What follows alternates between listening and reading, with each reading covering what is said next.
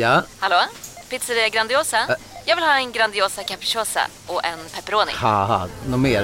Med kaffefilter. Ja, Okej, ses samma. Grandiosa, hela Sveriges hempizza.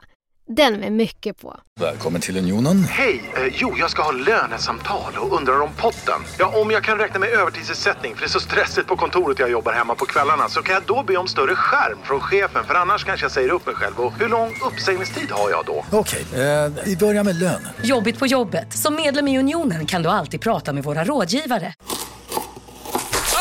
Dåliga vibrationer är att skära av sig tummen i köket. Ja! Bra vibrationer är ett och en tumme till och kan scrolla vidare. Alla abonnemang för 20 kronor i månaden i fyra månader. Vimla! Mobiloperatören med bra vibrationer.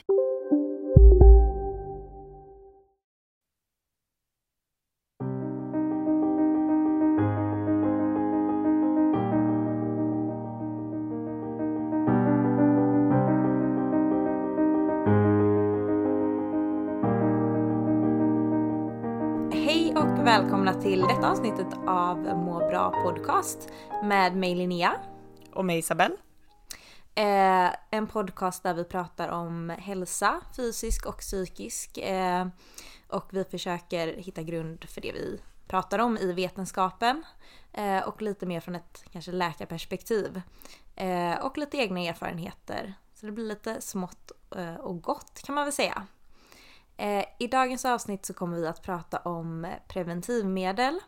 Eh, vi tycker väl båda att det är en, eller det är ju en väldigt stor diskussion eh, väldigt ofta kring preventivmedel och hur dåligt folk kanske framförallt mår av ehm, hormonella preventivmedel. Så vi tänkte prata lite om vad finns det faktiskt för biverkningar och ehm, vad finns det för positiva effekter eh, med det också. Och det var väl det. Eller har jag missat någonting där? Jag frågar alltid dig det Isabel. Jag bara, har jag missat någonting nu? vi ska helt enkelt försöka bena ut den här eh, djungeln lite grann och göra lite klarhet för er som Ja. kanske tycker det är svårt. Det är svårt för alla, men eh, kanske lite mer klarhet i alla fall. Ja, och jag har ju till och med läst eh, gyn och eh, obskursen och tycker själv att det är en hel djungel fortfarande. Så att ehm, det är inte så lätt. Nej, Nej. Då kör vi igång. Då kör vi!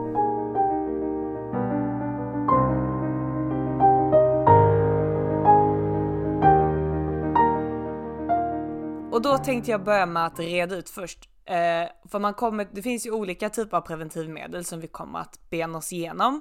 Men vi tänkte börja med, eller jag tänkte börja med att angripa just hormonbiten.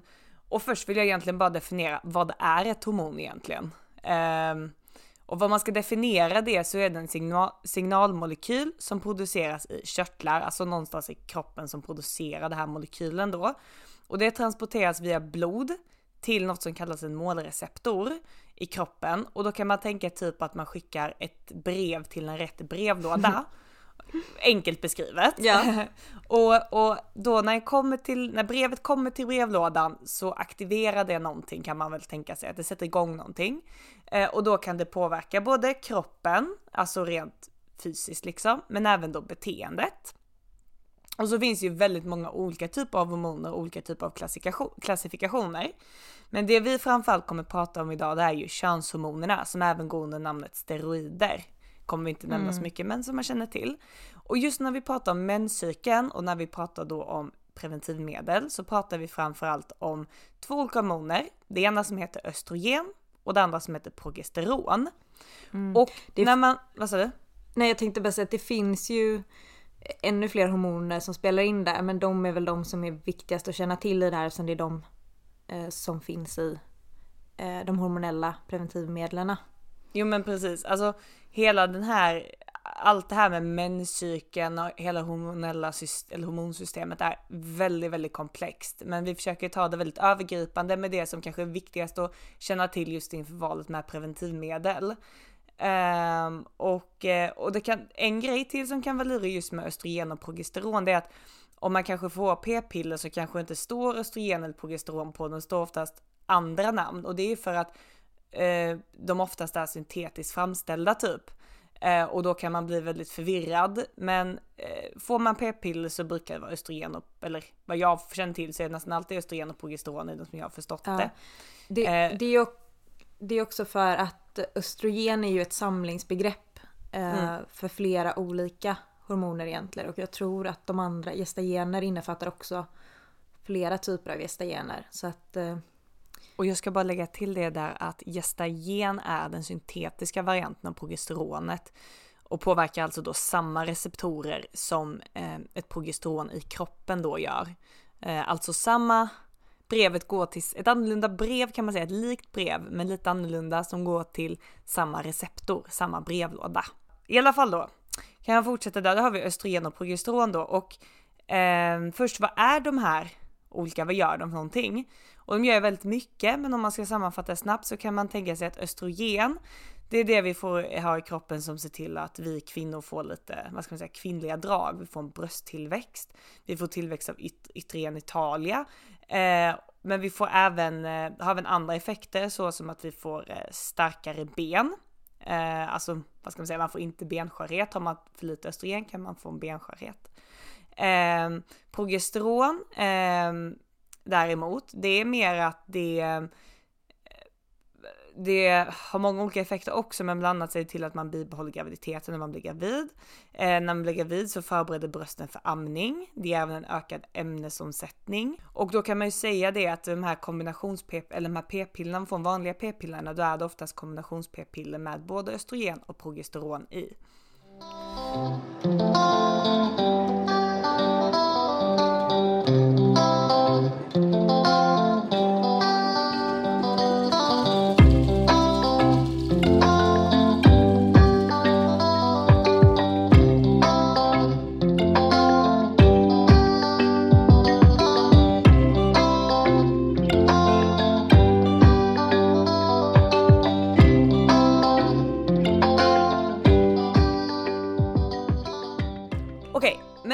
ge oss in, nu har vi fått vad är hormon för någonting, lite vad är östrogen och progesteron.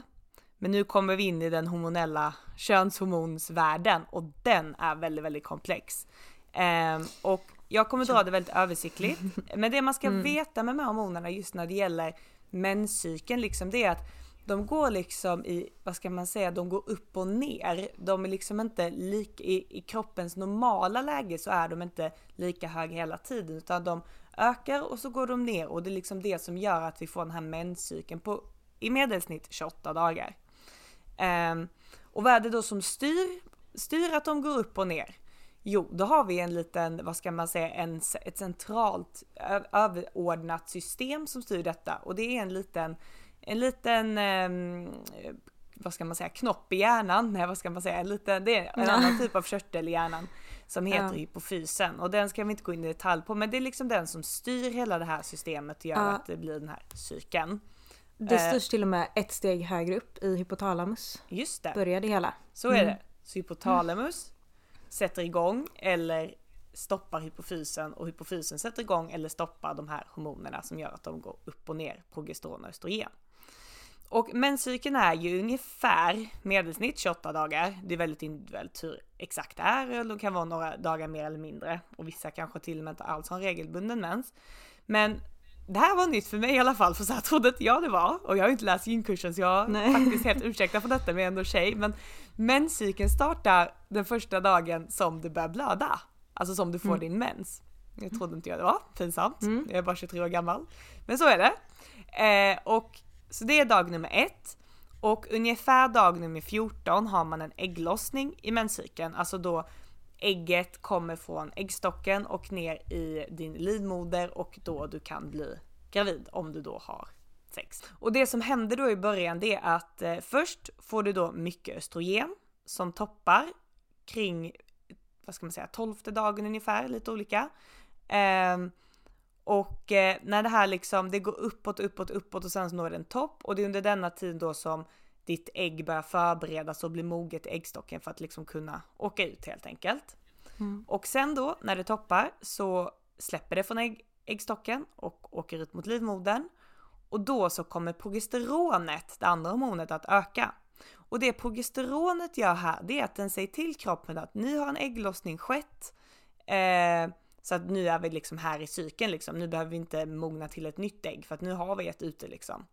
Eh, och det är då när man får ut det här ägget som man kan bli med barn. Eh, och då har man en lucka där på några dagar. Man brukar säga att efter dag 15 ungefär som jag läste då, läste, då börjar det här fönstret stängas. Typ. Då kan man, då, det är den dag, dagarna där man kan få barn liksom. Eh, och sen det som händer då när det här fönstret börjar stängas, det är att då börjar de här både östrogen och progesteron att sjunka. Och sen blir det väldigt lågt och så börjar cykeln om igen. Så det är det som liksom normalt händer i kroppen. Så det man gör då med p-piller när man både har, när man har såna här kombinations-p-piller med både östrogen och gestagen, det är att då får man, tillför man ganska höga nivåer av de här hormonerna. Och då har du också högt progesteron och då kommer kroppen tro att oj, det har redan skett en ägglossning. Och då kommer det att lira hypofysen som då styr hela systemet som att oj, nej, men det har redan skett en ägglossning, vi behöver ingen ägglossning. Och då får du ingen ägglossning när du äter p-piller och då kan du inte heller bli gravid för då finns ju inget ägg som kan befruktas helt enkelt.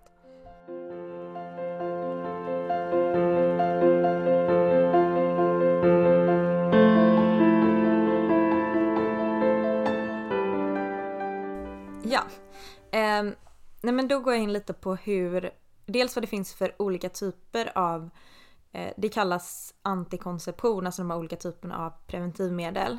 Eh, och jag tänkte att jag även nämner de andra som ingår här, alltså inte bara p-piller och hormonella alternativ utan andra typer också. Och sen tänkte jag gå in lite på hur de fungerar eh, och hur de verkar.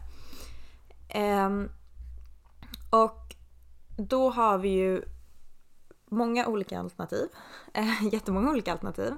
Eh, och jag tänkte dela upp dem i eh, hormonella och icke-hormonella eh, när jag går in på dem sen. Eh, och innan jag går in på det så tänkte jag prata lite om, bara kort kring eh, graviditet och hur man mäter effekt av de här olika metoderna för att förhindra graviditet. Eh, och sannolikhet för graviditet är 5% vid ett enstaka samlag. Eh, och 20% om man har kontinuerligt samlag. Eh, nej förlåt, 20% vid samlag under ägglossning. Och 80% om man har kontinuerliga samlag, samlag under ett års tid. Och när man pratar om olika preventivmedelsmetoder då mäter man den effekten genom att titta på antal graviditeter per 100 kvinnor per år. Och då brukar man dels titta på eh, antalet graviditeter vid en perfekt användning och Eh, dels på antalet graviditeter vid en typisk användning. Och det kommer då, beroende på preventivmedelsmetod, så kan de här värdena skilja sig. Och som jag nämnde innan då så är ju eh, chansen eller risken beroende på vem man är och vart man befinner sig i livet eh, 80% om man inte använder någon preventivmedelsmetod. Och då kallar man det alltså Pearl Index det här som man mäter. Eh, och då blir det ju Pearl Index 80, alltså 80 graviditeter per 100 kvinnor per år. Um, och de olika vi har då, om vi börjar med de icke-hormonella så har vi dels eh, sterilisering.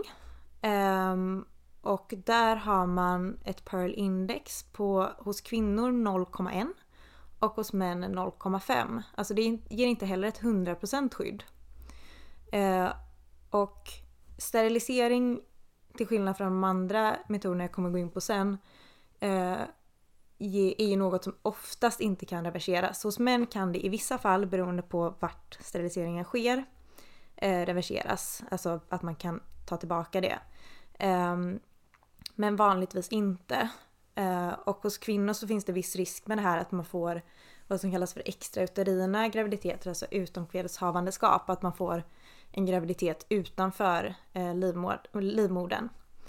Ehm, och fördelen med sterilisering är ju att det är ett relativt säkert ehm, sätt och det påverkar inte hormonnivåerna. Eh, sen har vi kondom eh, som också liksom räknas in i de här preventivmedelsmetoderna. Eh, och fördelen där är ju att det även skyddar mot könssjukdomar. Men det är väldigt användarberoende. Och där säger man att Pearl Index är eh, 3 vid perfekt användning. Alltså tre graviditeter per 100 kvinnor per år. vid regelbundna samlag. Eh, och 14 vid typisk användning. Så att det är vanligtvis så används den inte helt perfekt. När du säger Eh. beroendeframkallande, alltså menar du hur pass bra man använder den eller? Ja, eh, typisk användning eller perfekt användning. Att den är liksom användarberoende, att du... eh, Folk kanske inte använder den hela liksom samlaget igenom till exempel. Eh, och då får du inte den effekten som du kanske förväntar dig. Men vid perfekt användning så är det tre graviditeter per 100 kvinnor per år. Eh, och vid den typiska användningen så är det 14. Mm. Ehm, sen har vi eh, något som kallas för pessar eller pessar. Lite osäker faktiskt på uttalet där. Eh, som är som en hållare för spermiedödande medel. Eh, och där har vi ett paralindex på 6 vid en eh, perfekt användning och 20 vid en typisk användning. Ehm, och när vi pratar om kondom så finns det även kvinnoalternativ som eh, kallas för femidom. Eh, som liksom används av kvinnan istället. Som jag var tvungen Eh. att googla upp vad det var Ja, för någonting. Jag Det är såg inte så bara, vanligt, men det existerar. Kan du inte förklara Eh. vad det är för någonting? Ja, men alltså jag har nog inte ens sån stenkoll på det, men den förs väl in i liksom vagina på något sätt. Jag förstod det som det när jag googlade. Ja. Eh, så att den ska liksom fungera på samma sätt fast det är kvinnan som använder den istället. Ja, Ehm, precis. Men samma Mm. principer liksom och samma grundprincip. Mm. Ehm, sen har vi även av då icke-hormonella så har vi kopparspiral. Eh, och eh, jämfört med hormonspiralerna så är den ju bra för att den har inte några hormoner i sig. Eh, där är det istället kopparjonerna som utövar liksom en spermietoxisk effekt, att den dödar spermierna. Eh, och den påverkar även cervixsekret eh, så att den försvårar transporten in och påverkar att liksom ägget inte kan sätta sig i livmodern även om det skulle bli befruktat. Eh, men här har vi många, eller många får ofta besvär med ökad blödning eh, och eh, kraftiga liksom, menstruationssmärtor. Och sen vet jag att det även just nu är uppe på tapeten att det har varit många som har varit felaktiga så att de har gått sönder.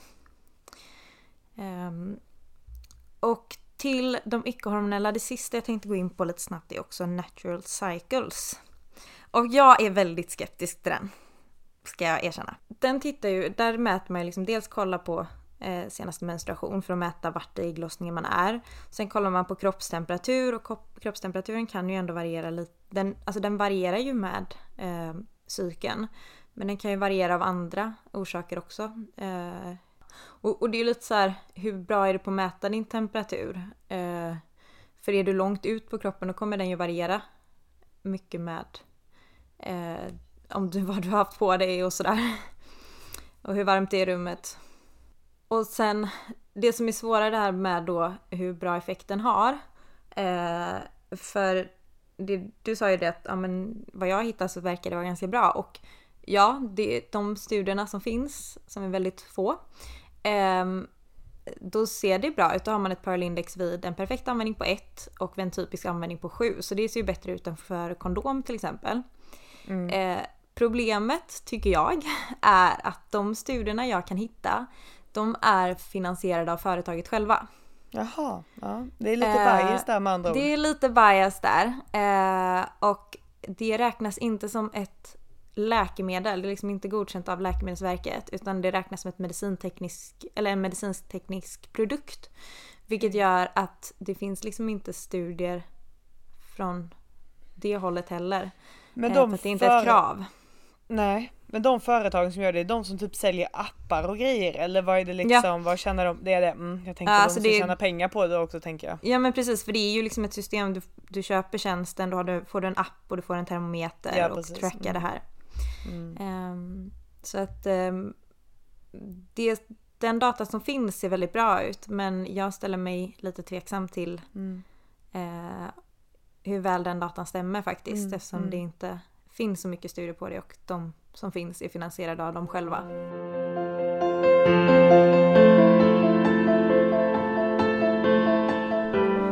Men det var de icke-hormonella. Mm. Ehm, och sen har vi de hormonella. Mm. Som du har varit inne lite på och pratat om. Mm. Eh, och då eh, är det gestagener som du har nämnt. Eh, eller kombinerade och då är det eh, gestagen och östrogen. De gestagena metoderna brukar man dela in i lågdos, mellandos eller högdos. Eh, och då är det bara gestagenet man tillför.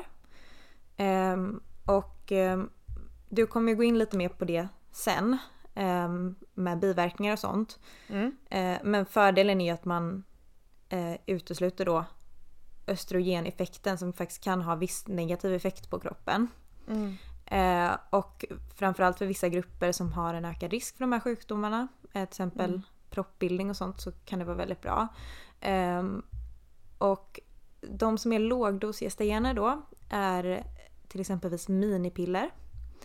Ehm, och ehm, det är liksom tabletter du tar och då måste du väldigt, vara väldigt specifik med vilken tid på dygnet du tar de här så att du får liksom en jämn nivå hela tiden. Um, och sen även hormonspiraler är lågdosgestagener. Och skillnaden minipiller och eh, hormonspiralerna då är ju att minipillerna får ju en eh, de tar det ju i munnen och sen ska det utsöndras i kroppen för att få effekt. Medan hormonspiralen verkar ju lokalt i livmodern. Eh, och där finns det olika varianter som eh, Jades som är en treårig och innehåller mindre hormon än den som heter Mirena som är femårig. Eh, men båda de två innehåller ganska låga doser. Upptäck hyllade XPeng G9 och P7 hos Bilia. Våra produktspecialister hjälper dig att hitta rätt modell för just dig. Boka din provkörning på bilia.se xpeng redan idag. Välkommen till Bilia, din specialist på X-peng. Om en yogamatta är på väg till dig som gör att du för första gången hittar ditt inre lugn. Ett lugn du inte trodde fanns. Som gör att du blir en trevligare partner, en bättre bilförare, en bättre kock. Du blir befordrad på jobbet men tackar nej. För att du inte längre drivs av prestation utan vill göra saker som känns meningsfulla i livet. Och, ja, eller ja, då finns det flera smarta sätt att beställa hem din yogamatta på. Som till våra paketboxar placerade på en plats nära dig och tillgängliga dygnet runt. Hälsningar Postnord. Kolla menyn. Vadå? Kan det stämma? 12 köttbullar med mos för 32 spänn. Mm. Otroligt! Då får det bli efterrätt också. Lätt! Onsdagar är happy days på IKEA. Fram till 31 maj äter du som är eller blir IKEA Family-medlem alla varmrätter till halva priset. Vi ses i restaurangen på IKEA. Eh, och sen så finns det mellandosgestagenerna Eh, och då finns det något som heter mellanpiller som Ceracet eh, och även p-stav räknas in som mellandosgestagener. Eh, och de båda två då verkar ju systemiskt, alltså ut i kroppen. Eh, och sen så finns det högdosgestagener som är eh, p-spruta. Eh, och det kanske kan vara enklare för att du tar en spruta var tredje månad Eh, och ger ett väldigt bra skydd.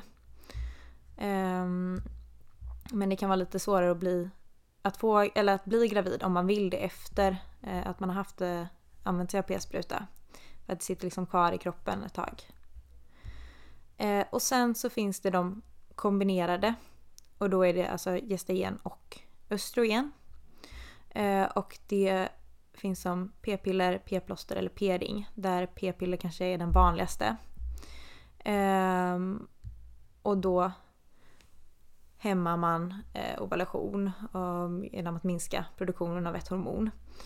Ovulation um, betyder ägglossning. Ägglossning, förlåt. Ja, mm. precis. Um, och um, det kan ha en väldigt bra effekt på vissa. Uh, men det finns också lite risker som du kommer nämna lite mer sen.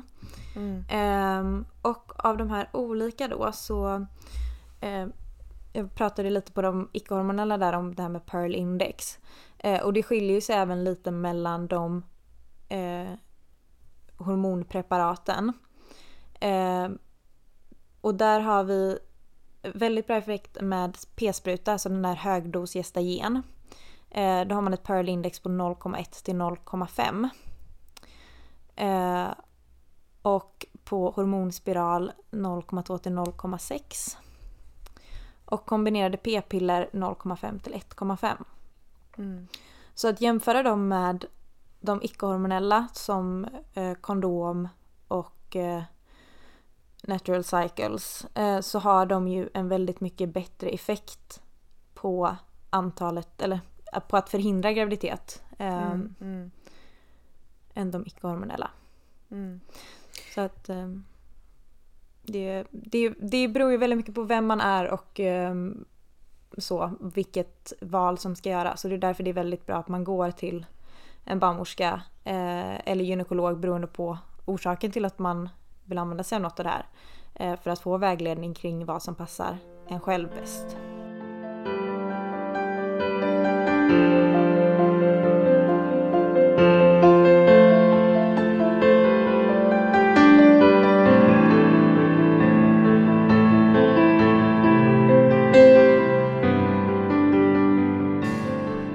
Yes, men eh, ja, och då har jag ju pratat lite om p-piller och du har tagit lite olika hormoner, men jag vet att det här är också en stor grej med att många mår inte så bra på p-piller. Mm. Eh, och det finns ju biverkningar som är väldigt jobbiga men som kanske inte är farliga. Så finns det även biverkningar man kan få som kan vara, eller biverkningar, saker som kan hända som faktiskt är farliga. Eh, men om vi tänker de här lite generella biverkningarna så kan för många vara väldigt jobbiga och kanske är en anledning till att för många slutar. Eh, det, de har sett mycket att många kan känna sig nedstämda eller att då att ens humör är påverkat. Eh, man kan få ont i huvudet. Man kan få finnar eller akne, dålig hy. Eh, man kan få förändrad vikt. Det kan vara att man går upp i vikt. Det är väl det man ofta snackar om, att man samlar på sig vätska också. Mm. Eh, men det kan även vara att man kanske går ner i vikt. Eh, man kan få en förändrad sexlust. Man kan få ont i huvudet och mellanblödningar. Eh, Det här gäller främst de kombinerade Precis, ja preparaten. förlåt det sa jag Ja. inte. Ja, de Eller så sa du det och jag missade. Men eh, Nej, det jag sa nog bara p-piller, men eh, det är bra Ja. att vi förtydligar det i alla fall, att det är framförallt den vi pratar om. Eh, och sen så tycker jag att här finns också ett utrymme för väldigt personliga, så att alla kan få olika typer av symptom och kanske symptom som jag inte nämner nu. Det finns ju många fler också.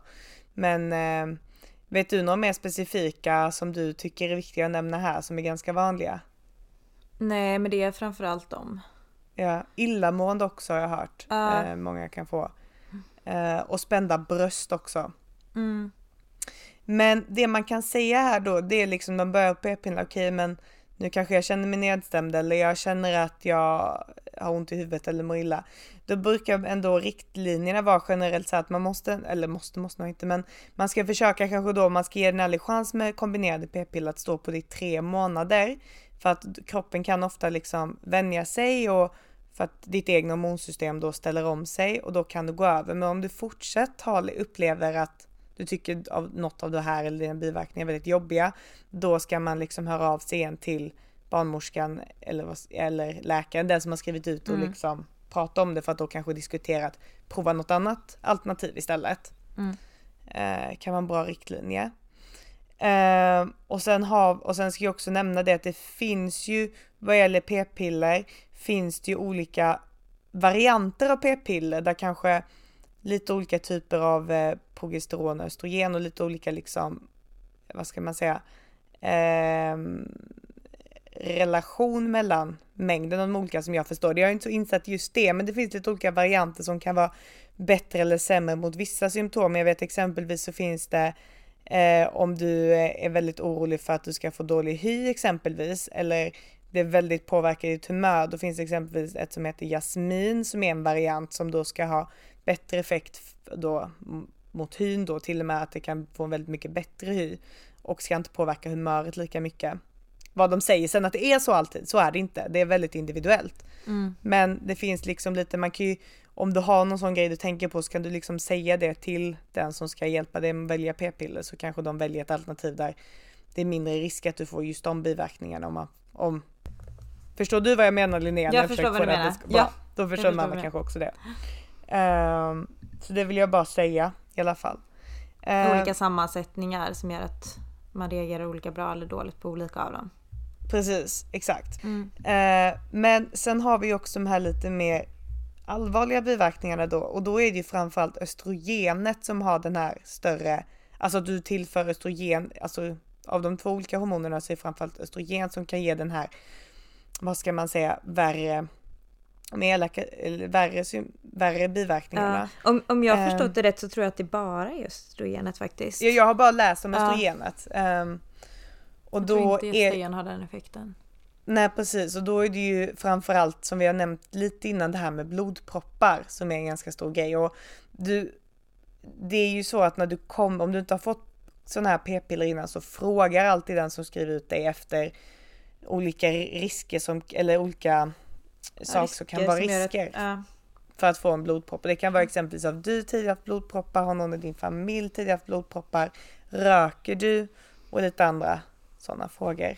Mm. Ehm, så det är också bra att komma ihåg lite, eller det ska ju de andra komma ihåg, men vill bara nämna det i alla fall. Som du nämnde så är det ju barnmorskan eller läkaren kommer ju fråga eh, om riskfaktorer eh, som gör att det inte passar sig med just de kombinerade preparaten. Eh, och det finns även saker som gör att det kanske inte passar sig med de gestagena metoderna heller. Eh, till exempel om du ska ha en hormonspiral. Har du någon, någonting som är annorlunda i hur din livmoder ser ut så kanske det inte heller passar sig att ha den för den kanske inte kommer sitta rätt. Eh, Men vad gäller de kombinerade så finns det faktiskt några saker som gör att då ska du inte ha kombinerade p-piller. Eh, Och det som du har nämnt är att man själv har haft en blodpropp eller att någon förälder eh, eller nära släkting, eh, syskon har haft det. För då har du själv också en ökad risk för det. Eller att du har någon sjukdom som påverkar möjligheten liksom för ditt blod att koagulera, så att bilda liksom proppar. Det behöver inte vara att du har haft tidigare trombos eller att någon har haft det men du kan ändå ha en sjukdom som gör att du har en ökad benägenhet för det. Och tromboser Eh. betyder? Blodproppar. Det är bra att du rättar mig. Bra. Eller att du kommer med sådana. Ehm, och sen även om du har migrän med aura. För då kan du dels få ökade symptom av det och det finns också en viss ökad risk för stroke om jag förstått det hela rätt. Mhm. Ehm, och sen om du har inflammatoriska tarmsjukdomar som Crohns sjukdom eller ulcerös, kole- eh, ulcerös kolit. Eh, eller något som kallas för lupus eller om du har diabetes med svåra, eh, svår påverkan på dina kärl. Ehm, och sen finns det lite saker som gör att man tänker till en extra gång väger risk och nytta mot varandra. Ehm, ja, känd eh, hereditet, alltså ehm, ärftlighet för kan- bröstcancer och eh, vissa andra mediciner och så som kan eh, påverka varandra om man tar det. Mm. Ehm, och sen bland de som är gestagena metoder så eh, finns det också vissa saker som gör att man inte ska det. Till exempelvis eh, leversjukdom eller pågående eller tidigare bröstcancer. Mm. Ehm, så det är därför man behöver veta en hel del om din och kanske även dina närmsta släktingars eh, sjukhistoria innan man Mm. kan förskriva någonting. Det är en hel värld med det här. Alltså, det är en hel värld.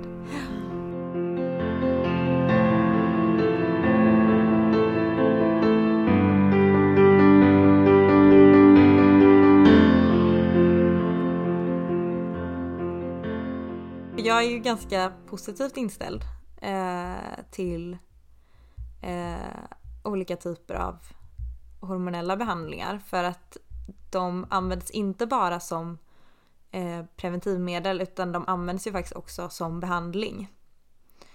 Eh, så jag tänkte att jag ska nämna de alltså olika områden eh, och vad som kan göra att du kanske borde ha eh, hormonell behandling inte som ett preventivmedel utan som en behandling mot sjukdom eller symptom.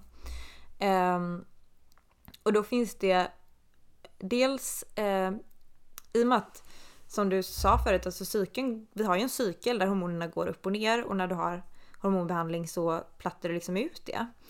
Ehm, och det finns studier som visar på att du kanske dels får liksom lättare med humör och lättare med inlärning och sånt.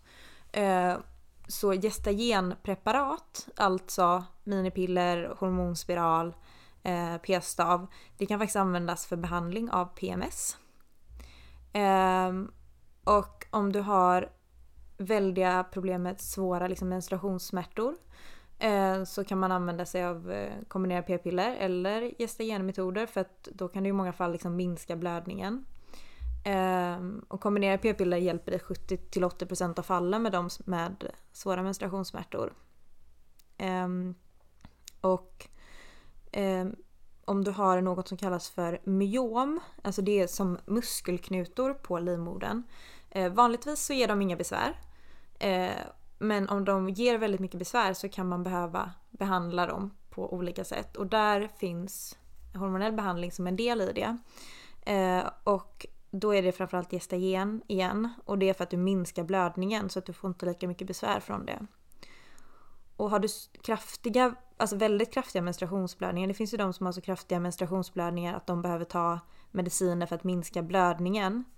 Eh, och få problem med lågt blodvärde för att man har så stora menstruationer. Eh, då kan det också hjälpa med hormonspiral, p-spruta eller en cyklisk estagenbehandling så att du liksom påverkar hormonnivåerna för att du inte ska blöda så kraftigt. Mm. Eh, och, och där är väl också en grej att just om du har blöder väldigt kraftigt och har problem med mycket smärta då ska man inte ha kopparspiral, eller hur? Nej, för att det ger en ökad risk för stora Precis. och smärtsamma blödningar. Mm. Eh, men den är ju ett bra alternativ om man vill ha något som verkar men inte är hormoner. Precis. Men det är många som får mycket besvär med den. Mm. Fast jag har hört väldigt positivt om också, om vissa som har den. Som Ja, är bekanta okej. för mig. Så att Ja. det är, de, de säger att det är det bästa, ta den Ja. typ. Ja. Eh, och ja, ja. Jag Så man märker att man får dåliga, så det är väldigt ja, olika. Nej men man märker verkligen att man får verkligen hitta ut vad som passar en själv Ja. liksom i detta. Mm. Precis. Ehm, och sen så finns det en sjukdom som kallas för endometrios.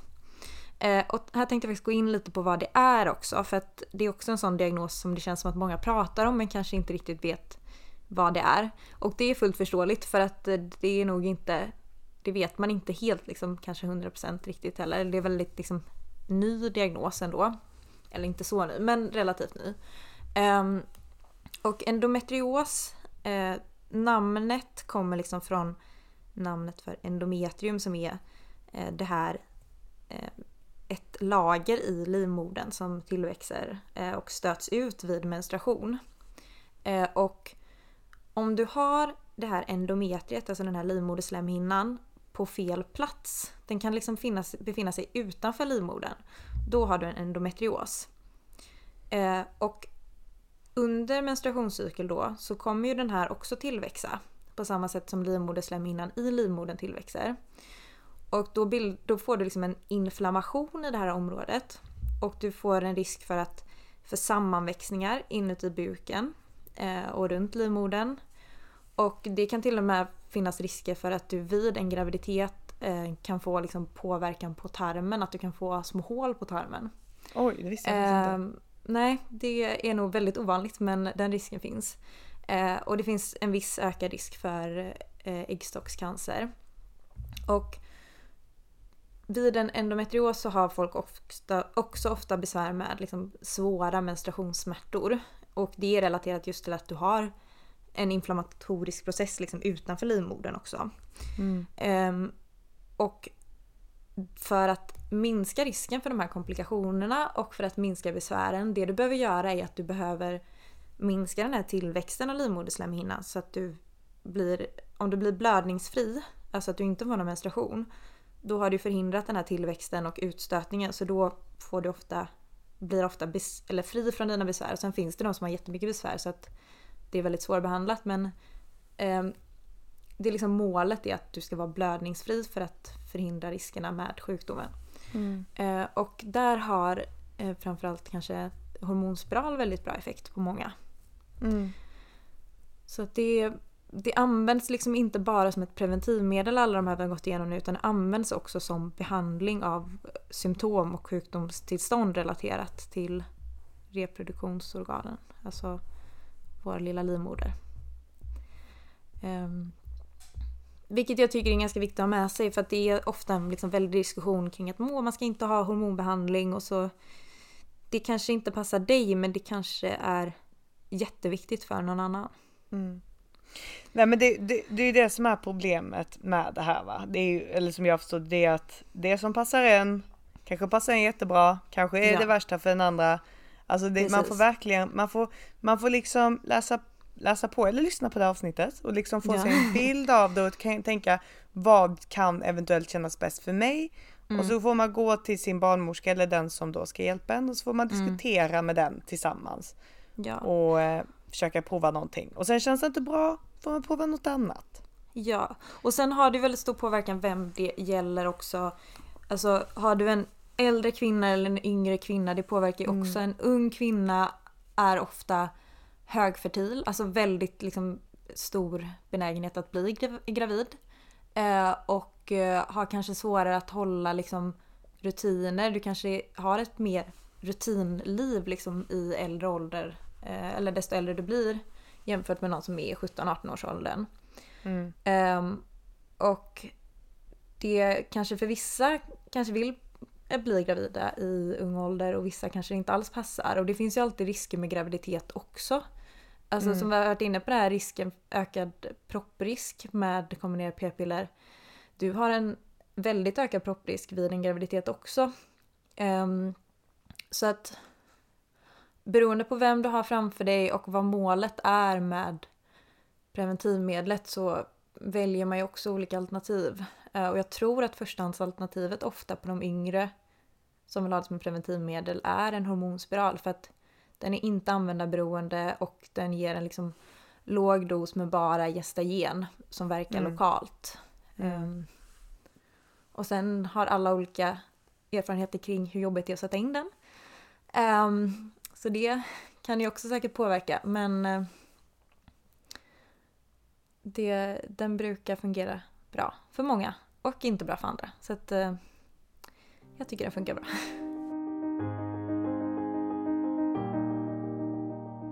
Tusen tack för att du har lyssnat på oss idag. Om du har tankar eller synpunkter kring det vi har sagt idag eller tips eh, på något som du vill att vi ska prata om eh, framöver eh, så är vi öppna för all typ av feedback, kritik eller vad du vill kalla det och du når oss lättast på vår mailadress. Den är mabrapodcast@gmail.com alltså må bra podcast men utan den lilla pricken över ået. Vi hoppas verkligen att du är med oss även nästa avsnitt och fram tills dess så ta hand om dig, eh, må bra och glöm inte av att andas. Puss och kram!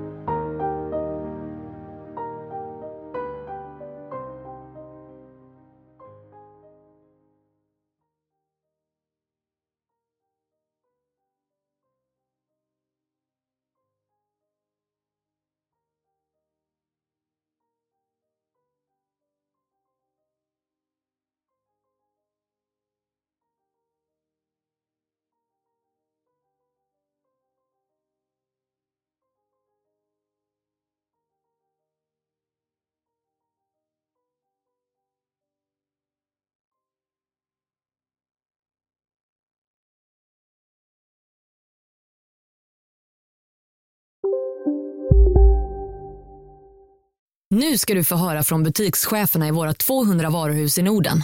Samtidigt. Hej! Tack. Jo, för att med så många varuhus kan vi köpa kvalitetsvaror i jättevolymer. Det blir billigare så. Byggmax. Var smart. Handla billigt.